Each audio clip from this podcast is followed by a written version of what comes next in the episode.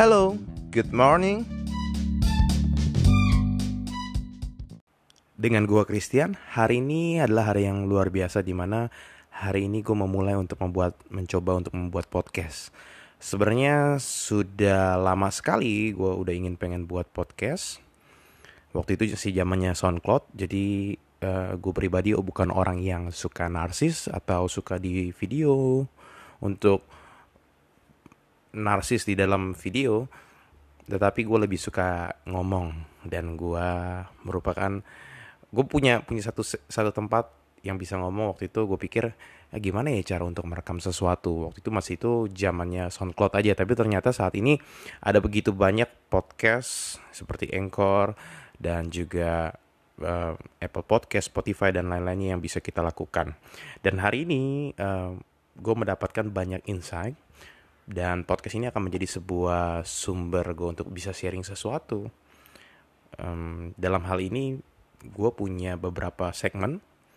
Yang pertama juga adalah beberapa uh, sharing tentang relationship dan juga tentang financial life dan juga mungkin bisa juga sharing tentang berbagai macam ide-ide yang bisa dibahas di hari ini. Oke, okay, so kita mulai aja hari ini tanpa berpanjang waktu.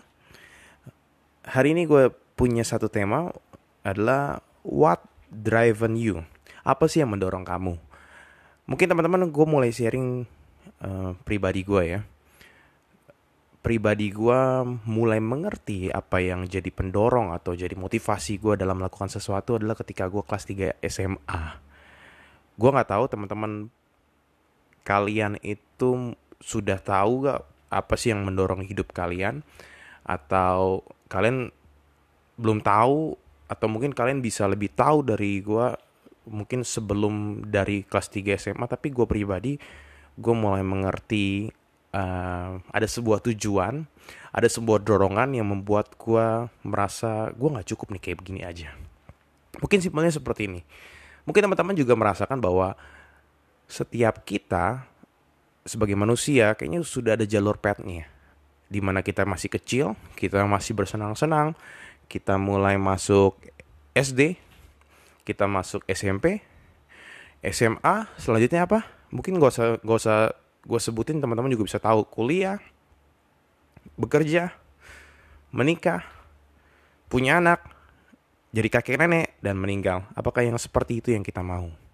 Nah, ketika gue mulai kelas 3 SMA, gue mulai sadar dan gue pribadi adalah orang yang gak pernah suka baca.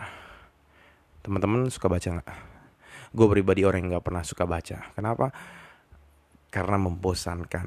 Tapi ada satu kali um, sebenarnya gini gue suka membaca tapi bacanya baca komik. Jadi gue suka sesuatu yang bergambar yang bisa gue bayangkan tapi nggak suka baca sesuatu yang cuma tulisan aja tapi suatu kali di kelas 3 SMA gue entah mengapa bisa datang ke sebuah toko buku dan gue beli satu buku judulnya adalah kreativitas bagaimana sih cara membangkitkan kreativitas. Sampai saat ini gue masih menyimpan bukunya, cuman gue harus mencari bukunya ini apa sih judulnya. Poinnya adalah dalam kreativitas kita harus mempunyai banyak pemikiran, kita harus punya banyak ide dan lain-lainnya dan itu yang mendorong gue pribadi ada satu satu gairah, ada satu ketidaksenangan di mana waktu itu gue merasa bahwa gue nggak bisa nih hidup gini-gini aja.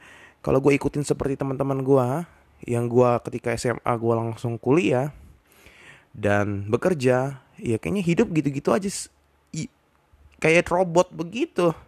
Tapi buat gue pribadi ada satu dorongan di mana gue merasa bahwa ada harus harus harus ada sesuatu yang harus gue buat.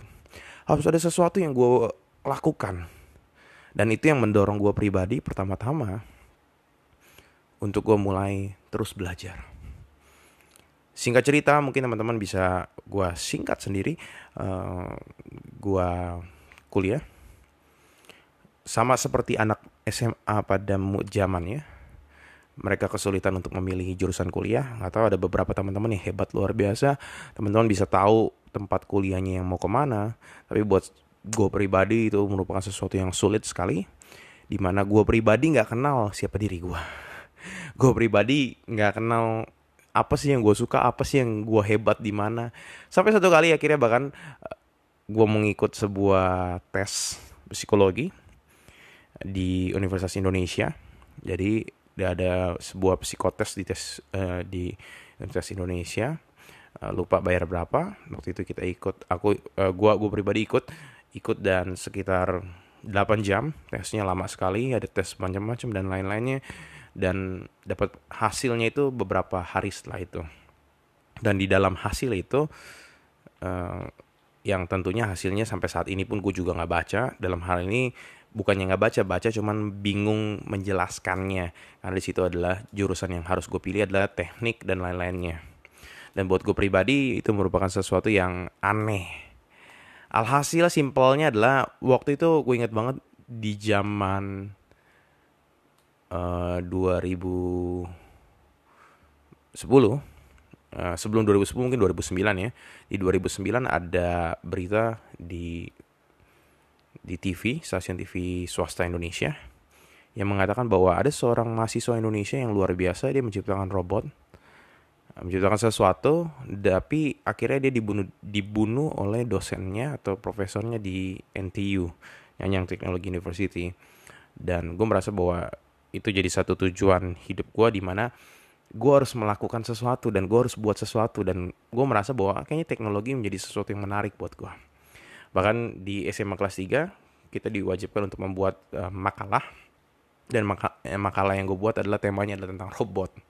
So singkat cerita gue mencari pilihan jurusan.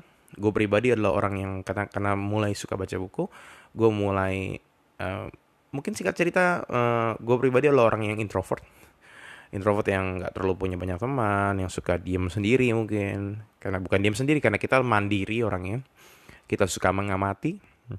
Dan ada dua pilihan waktu itu.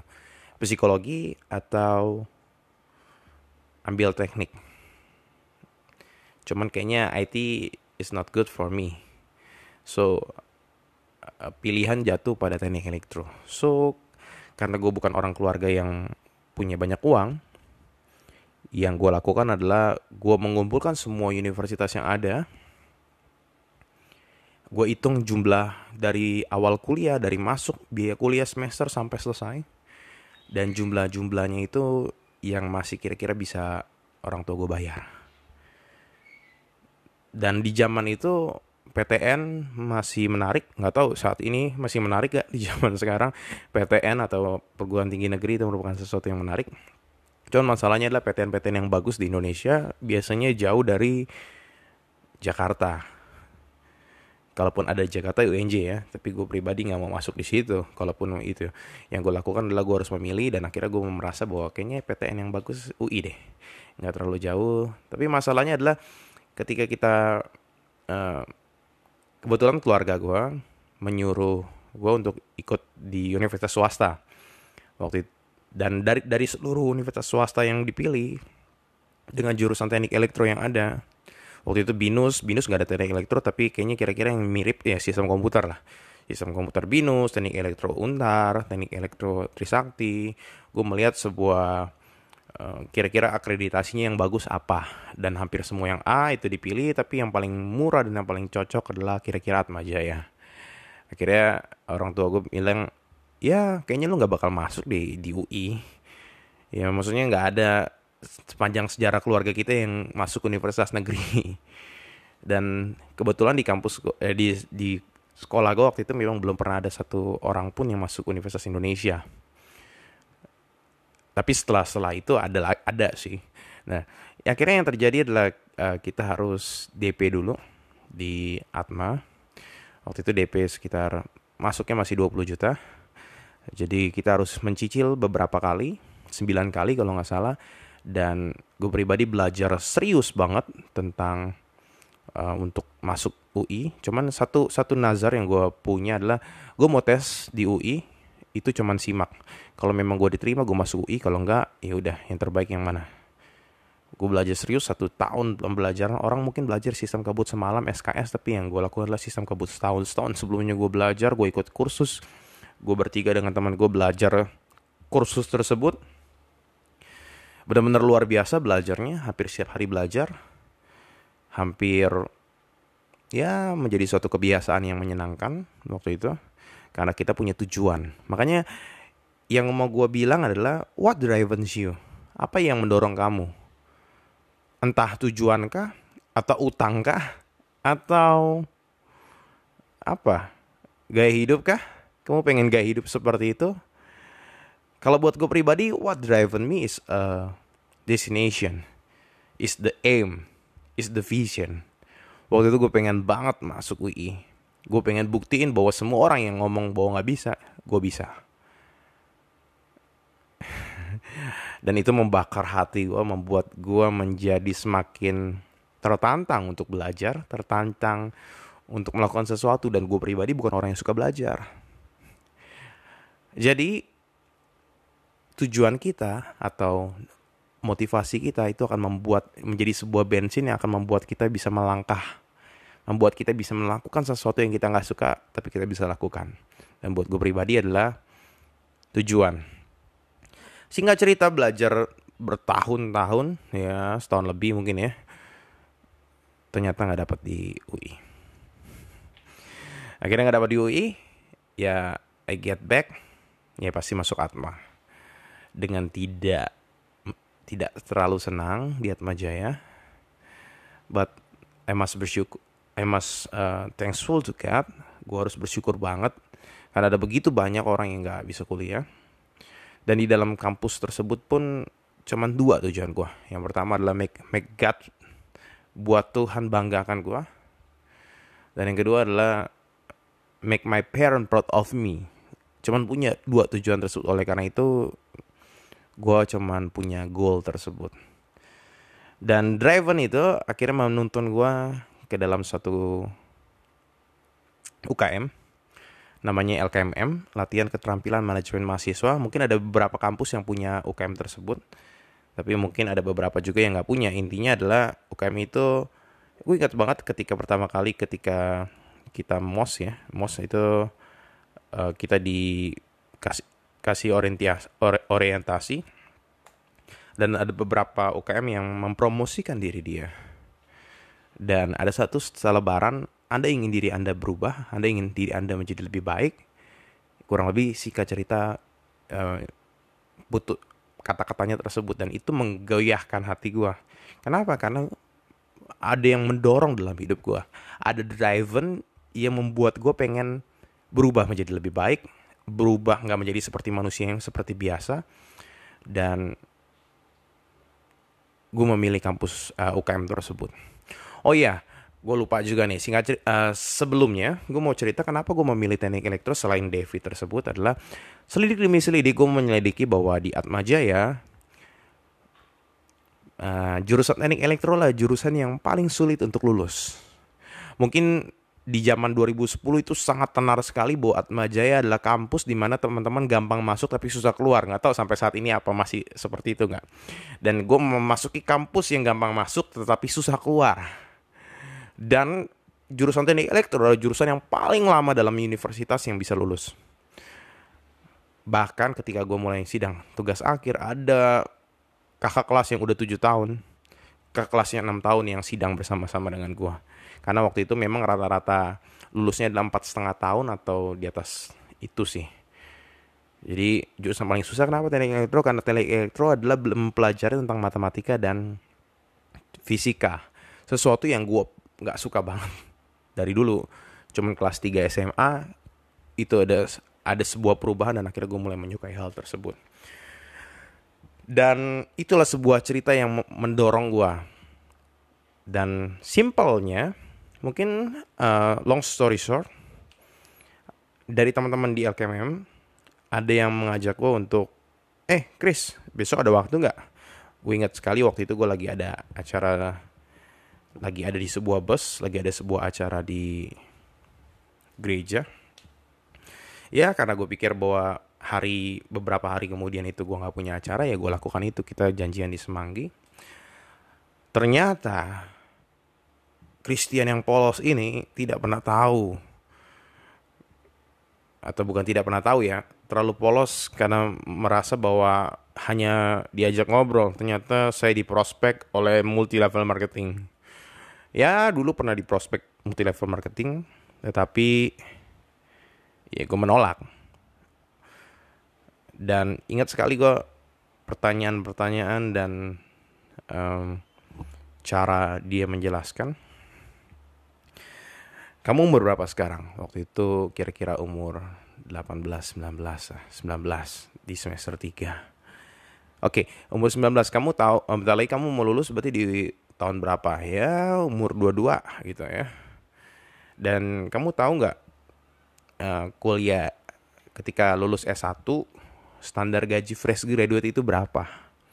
Waktu itu di zaman itu memang gaji fresh graduate itu cuma 2 juta setengah. Selanjutnya pertanyaan ke, selanjutnya ditanyakan lagi kepada gue. Kamu tahu nggak? Eh, kamu punya wak, punya cita-cita buat menikah nggak? Ya gue jawab iya dong pasti, meskipun belum ada pacarnya. Kamu tahu uh, punya target menikah kapan? Ya umur 27 lah gitu, gue bilang aja. Kamu tahu biaya menikah berapa? Ya nggak tahu karena memang nggak pernah tahu dan nggak pernah memikirkan hal tersebut dan sedikit selidik demi selidik dia menceritakan bahwa itu kemarin ada teman-teman teman saya yang menikah itu butuh 200 juta.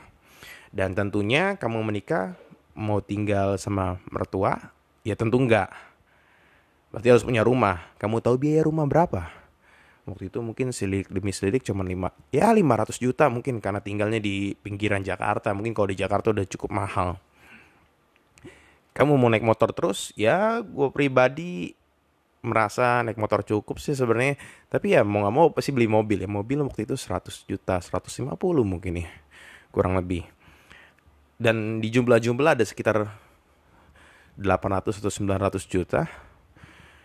Kamu kerja umur 22 kamu mau nikah umur 27 kamu cuma punya 5 tahun untuk mempersiapkan hal tersebut anggap satu tahun itu udah 12 bulan, satu bulannya kamu dapat 2 juta setengah.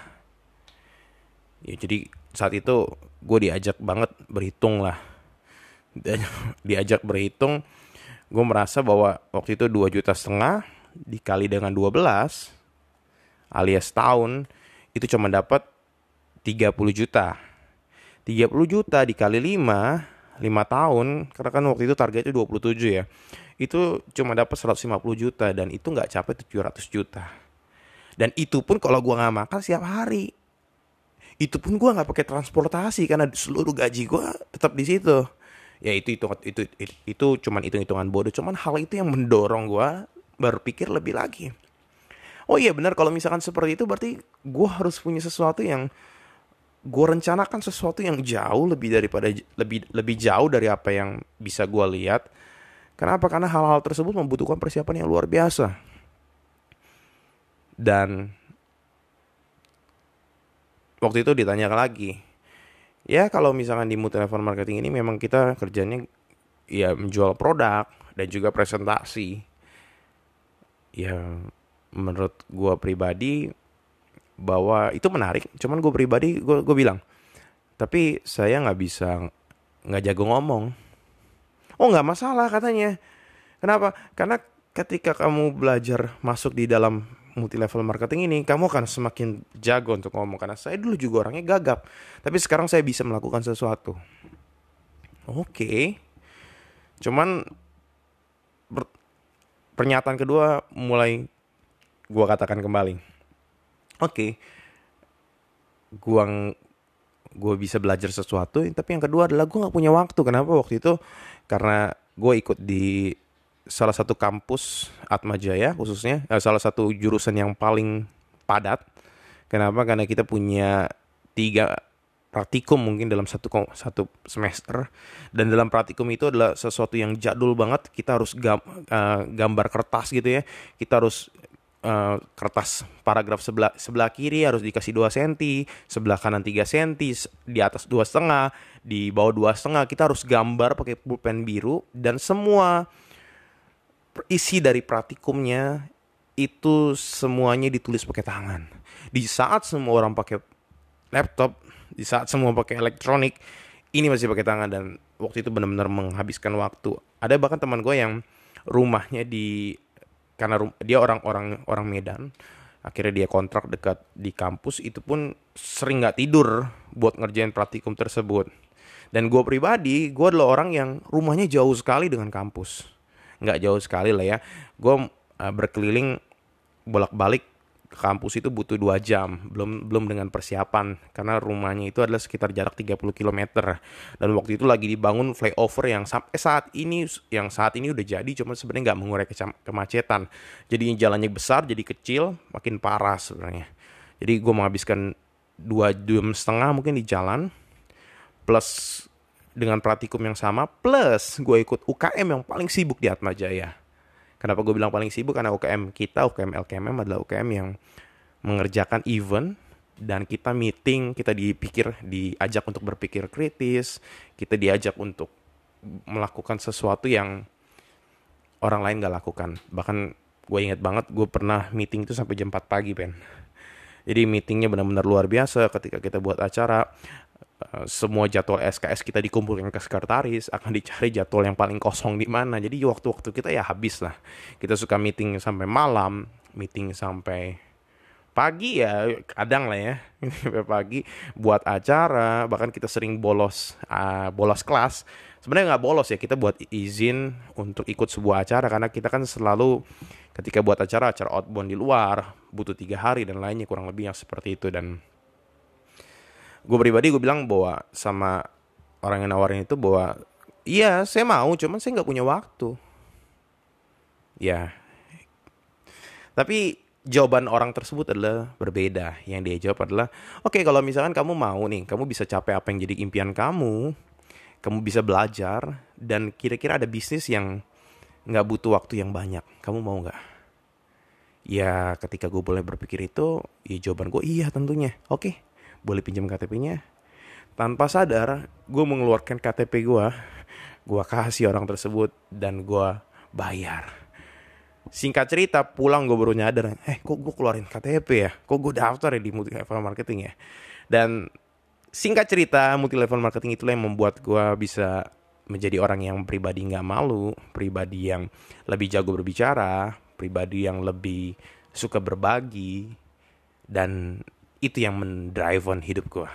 So, buat gue pribadi, setiap level dalam hidupan kita, setiap kita ketemu dengan berbagai macam pribadi, macam orang, macam uh, industri, teman-teman masuk dalam pekerjaan tempat lain, tempat yang baru, teman-teman juga masuk sekolah tempat yang ini, tempat yang itu. Ada begitu banyak masalah, tapi percayalah teman-teman bahwa setiap hal tersebut akan membuat diri, diri kita semakin mengerti apa yang jadi tujuan hidup kita akan mengerti menjadi arah arah hidup kita tuh mau dibawa ke mana. Karena buat kita yang paling penting adalah bagaimana kita menjadi pribadi yang terbaik. Menjadi membuat diri kita mengeluarkan yang terbaik. Itulah yang paling penting dari hidup kita. Dan hari ini kita belajar tentang what driven you. Buat gue pribadi ya itu. Driven gue adalah gue pengen jadi orang yang berbeda, nggak sama seperti orang yang seusia gue.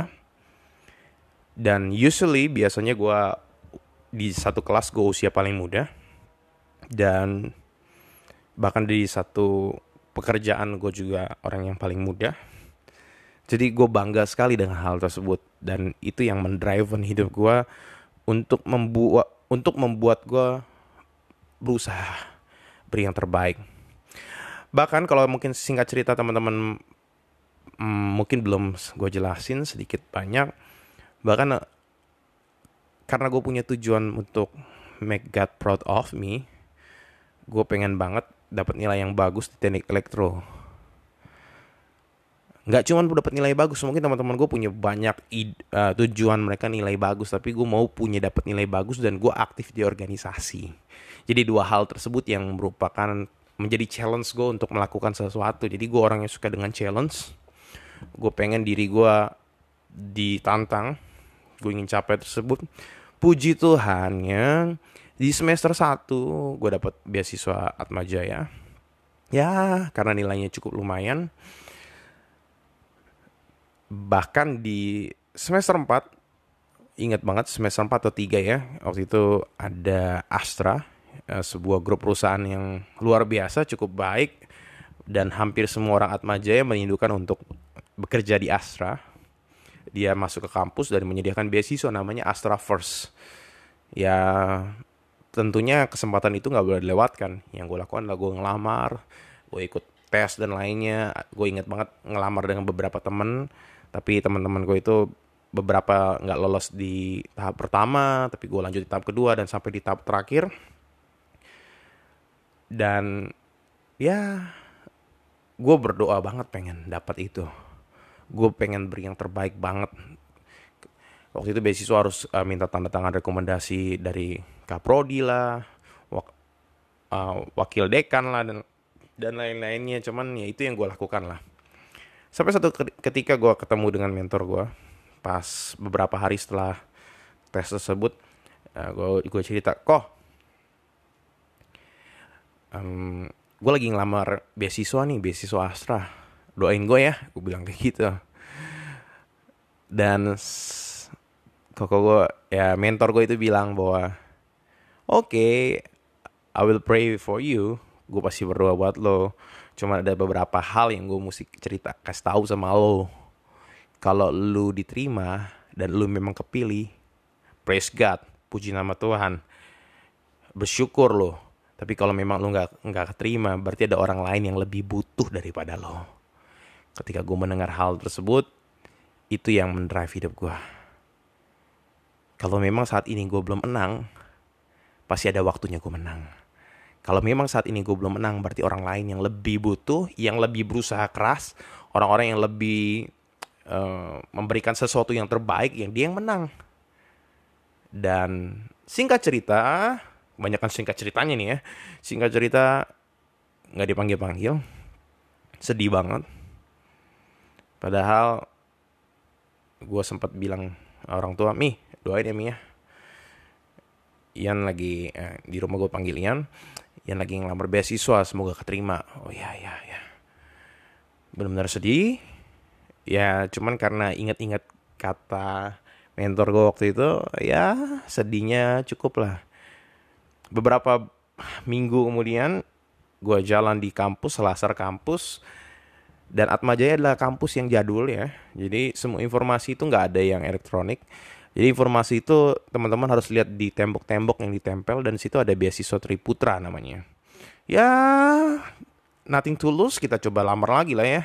Kita coba lamar teman ketika minta minta rekomendasi mengerikan sebenarnya ketika ke ketua ke wakil ketua dekan waktu itu. Kenapa? Ada beberapa kakak kelas yang IPK-nya 3,9, 3,96 yang jadi senat, jadi ketua himpunan dan lainnya itu ngelamar juga dan itu dipilih katanya cuma sedikit satu atau dua orang dari satu kampus ya tanpa ya nating tulus cobalah ya kan kalau memang menang ya memang dipilih dipilih ya bersyukur puji Tuhan. Tapi kalau memang gak kepilih ya ada orang lain yang ada orang lain yang lebih butuh ya gue ikutin step step by stepnya.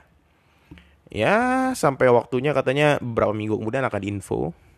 Cuman gak ada info ya puji nama Tuhan berarti. Ada orang lain yang lebih butuh tapi ketika lagi di rumah tiba-tiba ada telepon dari kampus. Dan halo ini uh, dengan Christian ya? Ya Christian ini dari sekretariat kampus nih. Ada surat dari Triputra katanya. Ya tanpa tanpa gue mikir lagi gue pikir itu pasti dari Triputra. Gue langsung datang ke kampus butuh satu jam perjalanan ya teman-teman ya. Siap-siap dulu bahkan lebih lama lagi siap-siap datang ke kampus dan uh, con congratulations. You are the one of two people yang dapat beasiswa di Atmajaya khususnya dari Triputra yang Atmaja uh, beasiswa Triputra yang di Atmajaya karena hanya dua mahasiswa kampus dan dan luar biasanya adalah beasiswa yang sebelumnya itu gue dapat hanya dapat beasiswa kayak uang uang uang sebesar 10 juta tapi ntar kita akan dijadi panitia sebuah acara di Astra. Yang kali ini gue dapat beasiswa kuliah 5 semester free semuanya 5 semester seluruh biaya per semester itu dibayar seberapa pun yang ada. Dan yang kedua adalah gue dapat pelatihan. Jadi ada dua pelatihan dalam sekitar dua setengah tahun dua tahun itu uh, eh sorry empat semester empat semester dan dapat pelatihan dalam dua tahun tersebut ada setiap setahun sekali. Kita akan ada pelatihan. Dan nggak nggak cuman itu kita dapat akses dari uh, seluruh grup Triputra grup Triputra mungkin by the way mungkin teman-teman yang belum tahu grup Triputra itu didirikan oleh Theodor uh, TP Rahmat, Theodor Permadi Rahmat kalau nggak salah. Dia adalah presiden direkturnya Astra di zaman itu, zaman 1999. Cuman akhirnya dia keluar, dia buat grup sendiri, ya buat nyangin Astra kali ya. Punya grup beberapa yang mirip dengan grupnya Astra. Ya, salah satunya dia yang punya Adaro Group, batu bara yang besar gitu ya. Dan gak cuman itu tadi teman-teman, gue juga dapat uang saku itu 5 juta per semester. Praise God.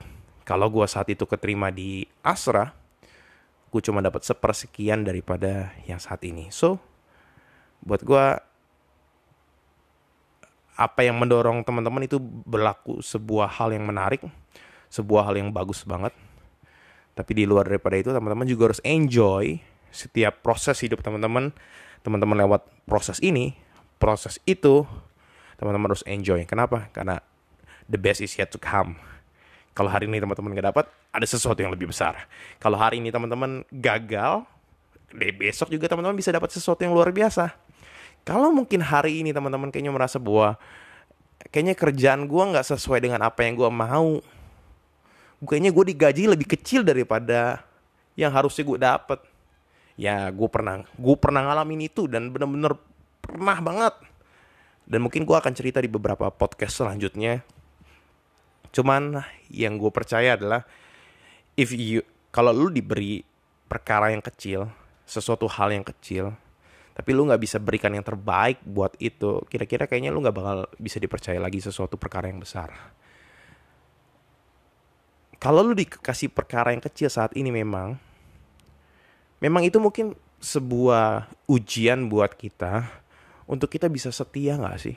Kita bisa beri yang terbaik nggak sih? Kita bisa beri yang excellence nggak sih? Ketika kita bisa dapetin excellence tersebut, sesuatu pasti akan terjadi. Teman-teman bisa dapat sesuatu yang luar biasa. Dan gue akan bercerita banyak hal yang menjadi pengalaman gue bahwa ketika gue melangkah dengan step by step gue dipertemukan dengan orang yang ini, orang yang itu, dan semuanya itu nyambung ke satu tujuan. Mungkin saat ini gue nggak ngerti. Mungkin teman-teman juga, mungkin teman-teman yang masih memulai kuliah, teman-teman yang masih mulai pendidikan, teman-teman juga yang baru mulai bekerja, mungkin teman-teman nggak ngerti kenapa sih teman-teman, mungkin dulu jurusannya teknik, tapi kok sekarang gue kerjanya di sesuatu yang berbeda banget. Mungkin gue dulu kayaknya sulit dan sampai sekarang masih sulit. Terus gimana? Masa gue harus hidup dengan sulit gitu? Percayalah teman-teman ada sesuatu yang besar yang teman-teman akan dapatkan di ke depan. Dan yang satu hal yang teman-teman harus lakukan adalah percaya. Enjoy. Nikmati. Lakukan yang terbaik. Ketika teman-teman lakukan yang terbaik you will get the best. Oke? okay? Thank you teman-teman udah mendengar hari ini ini podcast pertama dan mungkin gue akan sharing lebih banyak hal lagi.